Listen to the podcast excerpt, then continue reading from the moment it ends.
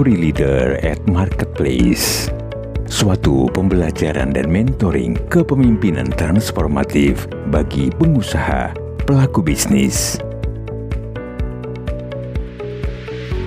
Leader itu harus lead ya. Banyak sharing dari teman-teman mengatakan bahwa di perusahaan apakah ada satu pertanyaan, apakah Anda ini benar-benar memimpin dengan memberikan arah atau sekedar memanage? Karena banyak sekali pengusaha yang jadi pimpinan, katanya jadi pemimpin, tapi cuma memanage saja. Kalau ditanya, visi ke depan mau ke mana? Ke mana ya? Ya pokok jalan aja apa adanya. Itu bukan memimpin Bapak Ibu. Yang namanya memimpin itu di depan dan memberikan contoh bergerak ke depan menuju ke satu titik. Tahukah Anda, sikap hati dan pemimpin bisnis seperti apa yang paling dibutuhkan oleh marketplace?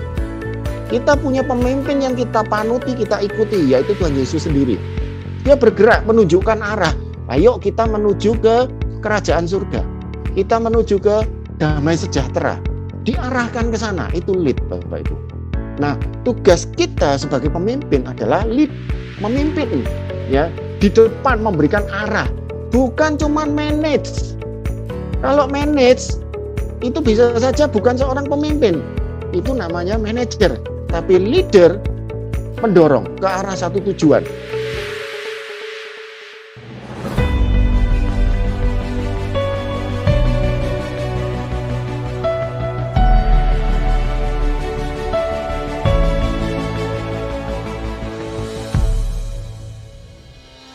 Riser and Podcast Listeners, Glory Leader at Marketplace atau disingkat GLIM adalah program pembelajaran transformatif berikutnya dari Kingdom Business Community Indonesia untuk memperlengkapi khususnya kalangan pengusaha untuk secara profesional meningkatkan kapasitas dan kapabilitas mereka secara teoritis maupun praktis dalam mengelola bisnis yang sejalan dengan prinsip nilai-nilai glory yaitu God Center, loyal to process, obedient to truth, real spirit of excellence, dan yielding rights sebagai basis rantai nilai pelayanan Kingdom Business Community. Dalam episode KBC Rise Podcast kali ini, kita akan menyaksikan dan mendengarkan apa dan bagaimana melalui program GLIM, para peserta dapat diperlengkapi kapasitas dan kapabilitas mereka, sekaligus juga menumbuh kembangkan pola kepemimpinan kolaboratif untuk diaplikasikan dalam bisnis mereka. Dalam tahapan dan proses pembelajaran program GLIM ini, para peserta dipandu oleh fasilitator dan mentor yang ada dalam komunitas Kingdom Business Community Indonesia. Mari kita simak bersama. Baik, Bapak dan Ibu semua, kami mengucapkan selamat datang di acara GLIM Glory Leader at Marketplace Batch yang ketiga. Sungguh luar biasa kita semua boleh dikumpulkan dalam acara yang sungguh luar biasa ini di mana di dalam uh, program ini kita semua mau sama-sama menjadi seorang pemimpin-pemimpin yang memiliki nilai-nilai glory. Mungkin kita semua sudah mengikuti ya di Camp Sukses Sejati bagaimana nilai-nilai glory itu, bagaimana kita belajar tentang enam harta, belajar tentang menjadi hamba atau pemilik, kita sudah penyerahan hak. Nah, sekarang kita lebih mendalami lagi. Jadi materinya lebih berbobot lagi dan saya katakan Anda semua adalah orang-orang yang luar biasa, ya. Dan siapakah yang akan berbicara pada kesempatan malam hari ini? Mari kita lihat sama-sama Bapak Ibu. Beliau adalah Business and Executive Coach di Action Coach sejak 2008. Beliau juga adalah founder and CEO dari Profit uh, CEO Profit Action Coach. Executive Coach di Mimapan Group, founder PT Jagat Digital Indonesia, founder PT Trinovasi Gormeta Adidaya. Tanpa berlama-lama lagi, saya mengundang kadernya di tengah-tengah kita, kepada Bapak Agus Sanetio. Persilakan, silakan Pak. Yo.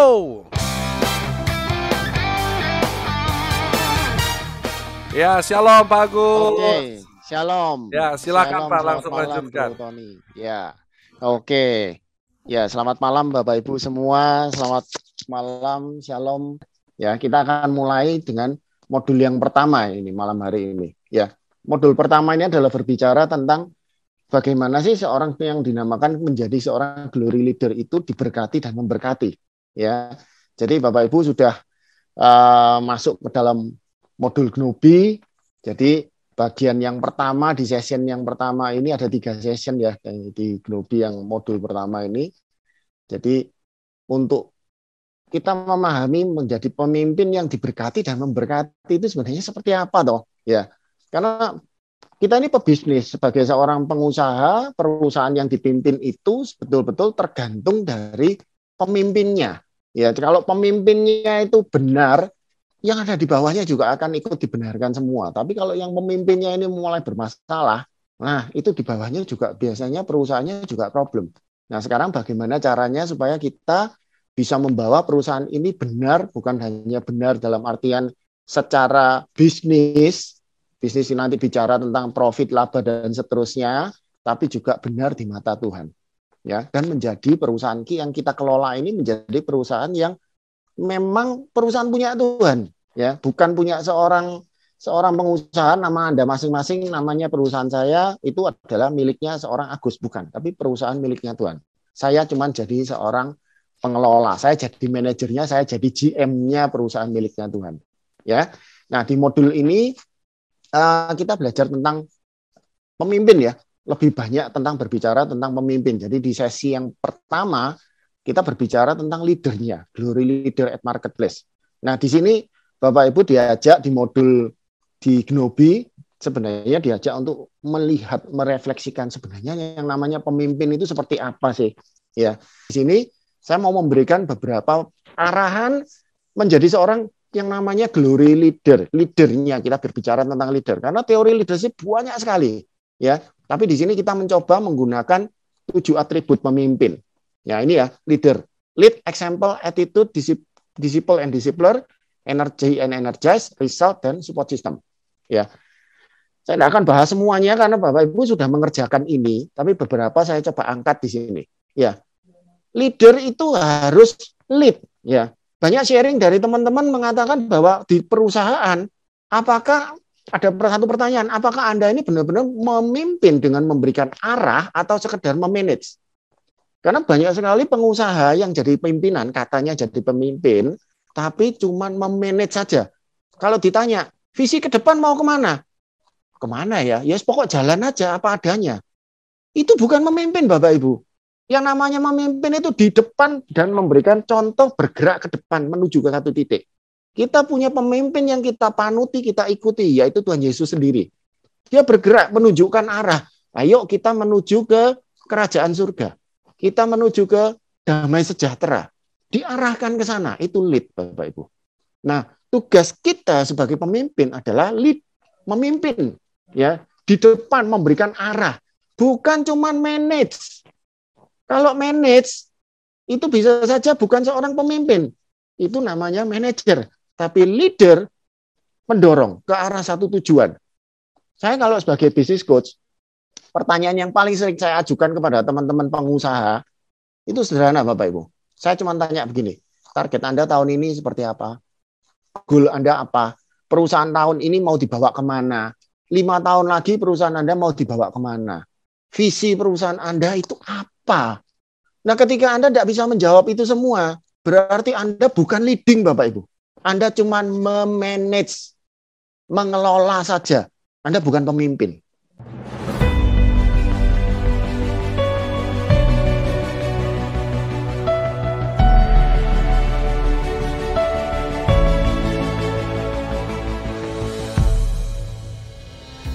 Ya, Riserin Podcast Listeners, saat ini program GLIM diselenggarakan secara online dengan 8 sesi kelas besar yang dilakukan via Zoom Meeting yang dibagi dalam beberapa kelompok kecil yang bertujuan untuk membantu peserta untuk belajar menentukan Pareto atau prioritas dan prinsip-prinsip sederhana yang efektif dalam berbisnis.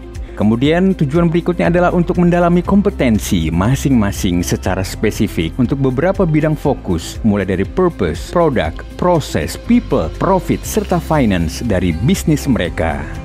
Proses pembelajaran GLIM ini juga didesain untuk membantu para peserta untuk beradaptasi dengan dunia online khususnya dalam masa pandemi dan era digital di marketplace.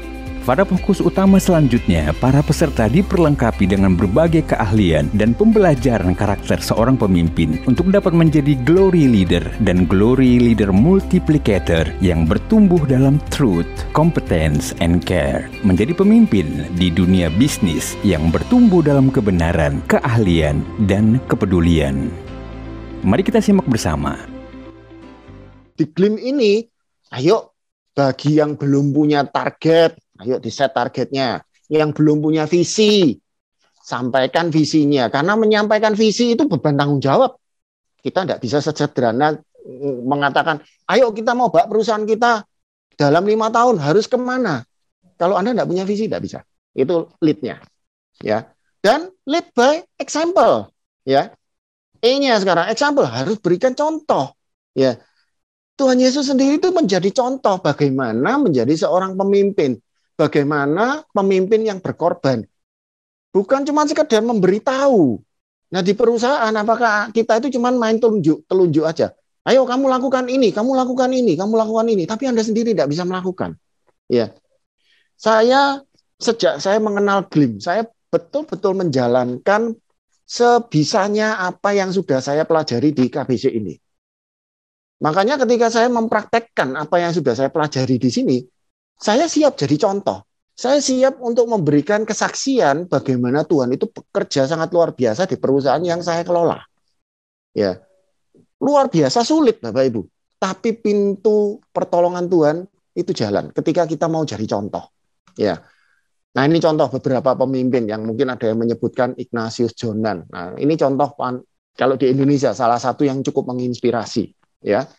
Ini eh, tahun 2014 ya sampai dipilih menjadi salah satu uh, direktur yang teladan ya. Menjadi contoh panutan yang luar biasa. Ya ini yang namanya example leading by example. Nah A-nya apa? Habis L E A. A-nya sekarang seorang pemimpin itu butuh sikap punya sikap hati yang tepat dan juga harus punya keterampilan. Bukan cuma sekedar bisa memotivasi anda sebagai pebisnis, Anda harus punya keterampilan, punya keahlian apa?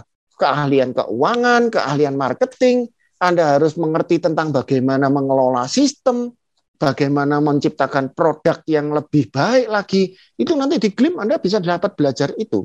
Attitude ya, bukan cuma attitude tapi juga attitude. Nah, banyak pengusaha gagal di luaran sana karena sikapnya mungkin sudah benar, sikapnya sebagai orang seorang Kristen itu dijaga betul. Hati, sikap hatinya, mentalnya dijaga dengan baik. Tapi attitude-nya, keahliannya itu lemah. Sehingga bisnisnya hanya mengandalkan, yang kalau dikatakan mengandalkan doa saja. Tapi usahanya, usahanya value-nya rendah sekali, Bapak Ibu. Nah, makanya ini A-nya, attitude, attitude. Ya. Nah, kemudian seorang leader itu harus jadi murid, disiplin dan disipler jadi memurid dan juga mau memuridkan ya.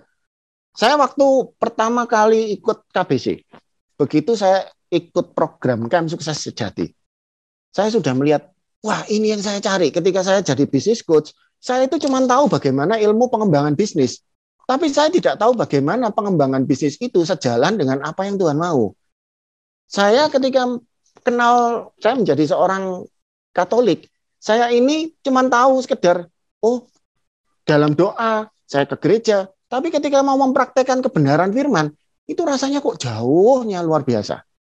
Maka yang saya lakukan apa? Ketika saya kenal KBC, saya ikuti semua programnya yang ada di KBC. Saya belajar dari paling bawah. Sempat ada yang sampai bertanya, Coach, kamu itu sebagai bisnis coach, kamu kan sudah ngerti banyak tentang bisnis. Kenapa kok masih ikut program ini semua, kamu ikuti semua? Yes, saya ngerti bisnis. Tapi saya tidak ngerti bagaimana menyambung antara bisnis dengan iman saya. Saya belajar dari murid dulu. Dari jadi murid itulah saya kemudian praktek dan hari ini saya berhasil memuridkan ada tiga pengusaha yang mengikuti jejak saya. Dan teman-teman yang lain, makanya saya pelayanan di Glim ini, ini adalah bentuk saya memuridkan lebih banyak teman yang lain. Tapi saya jadi jadi contoh dulu, ya. Ini yang disebut disiplin, Bapak Ibu. Ya. Kemudian E, energis. Ya, E-nya itu adalah pemimpin itu harus punya energi, ya. Karena ketika kita menjadi pemimpin, kita itu mempengaruhi orang. Nah, ini yang Jack, Jack Welch yang mengatakan, ya, maka harus punya energi. Kalau kita jadi pemimpin itu tidak bisa memotivasi, tidak bisa menyemangati orang, itu bukan pemimpin namanya. Nah, pemikiran yang paling sederhana itu sebenarnya seperti ini. Ini ada buku yang bagus banget. Bapak Ibu silahkan cari buku ini, silahkan dibaca. Saya tidak mau cerita isinya apa, tapi saya mau memberikan satu prinsip yang sederhana. Dan ini ada di dalam firman Tuhan. Ya. Yesaya 40 29 sampai 31.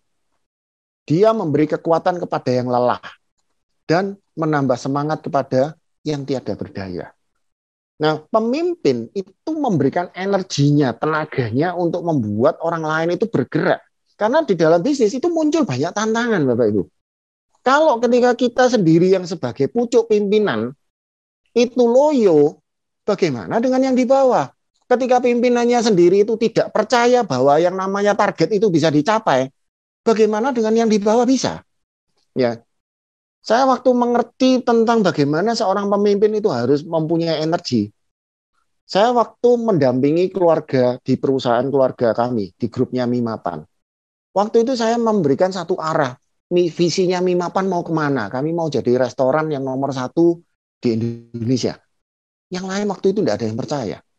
Tapi saya tetap percaya sampai ketika saya belajar di KBC saya baru ngerti, oh ternyata ini sumber energi saya. Sumber energi saya ada di visi dan ketika saya kenal Tuhan, saya melibatkan Tuhan di dalam perusahaan ini. Itulah yang membuat saya punya energi lebih lagi bahwa saya harus jadi pelayannya Tuhan, bawa perusahaan ini untuk bukan untuk saya tapi untuk Tuhan. Ya. Nah, yang paling sederhana Bapak Ibu, Bapak Ibu ini kalau dalam jadi pemimpin, Anda itu tipe yang baterai yang hijau atau tipe yang baterai yang merah yang kosong?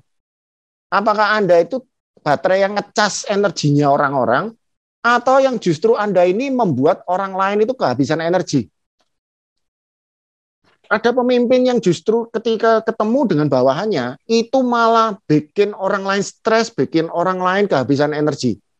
Ya, mungkin dalam hati bawahnya itu akan mengatakan gini, wah ini pemimpin ini malah datang malah bikin masalah aja. Mending nggak usah dipimpin sama dia. Nah itu tipe orang yang menghabiskan energinya orang. Maka kita harus jadi yang selalu baterainya full Bapak Ibu. Capek Bapak Ibu untuk jadi pemimpin yang benar itu.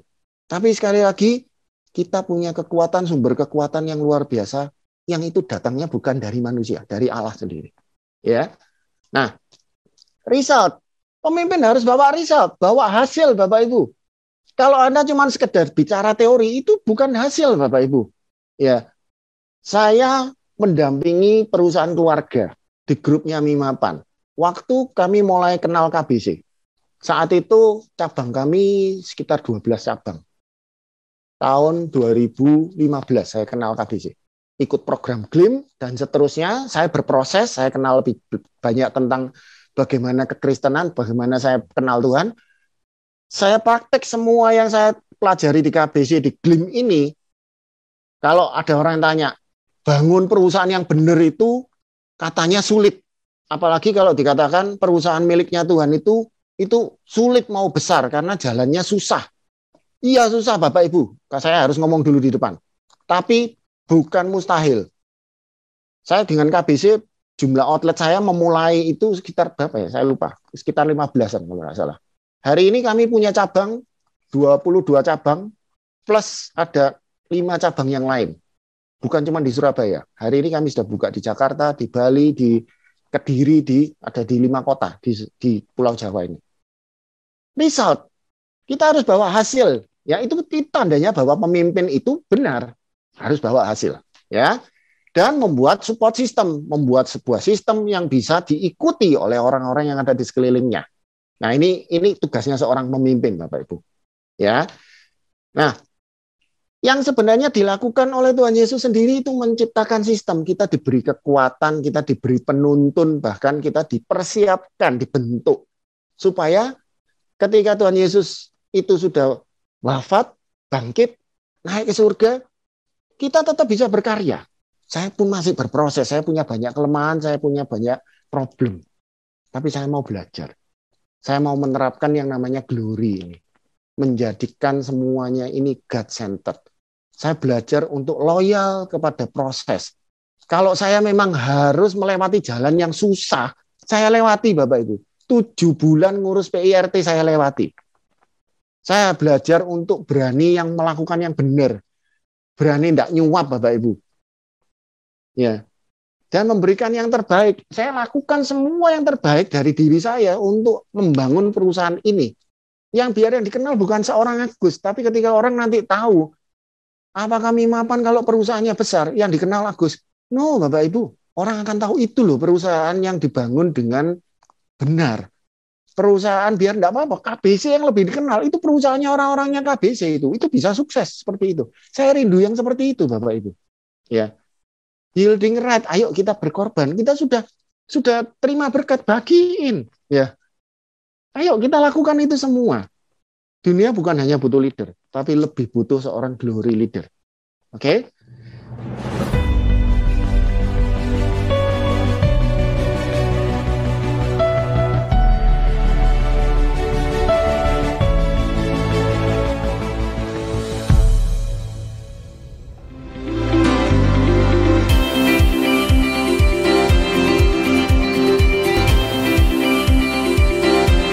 Riser and Podcast listeners, terima kasih Anda telah menyimak Rise Podcast Special Edition yang dipersembahkan oleh Kingdom Business Community. Harapan kami setiap episode Rise Podcast dapat menginspirasi Anda untuk terus mengalami transformasi dalam melakukan bisnis dan profesi Anda untuk tujuan yang mulia, membangun bisnis melalui manusia dan membangun manusia melalui bisnis.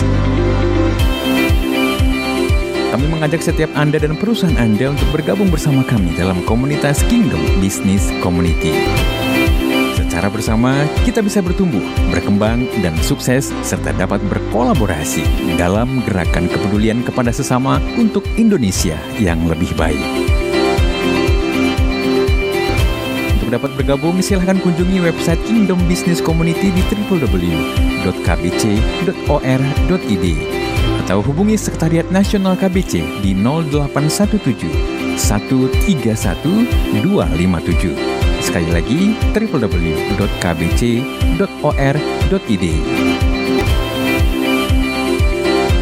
Rise Podcast Kingdom Business Community. We podcast with heart. Sampai jumpa.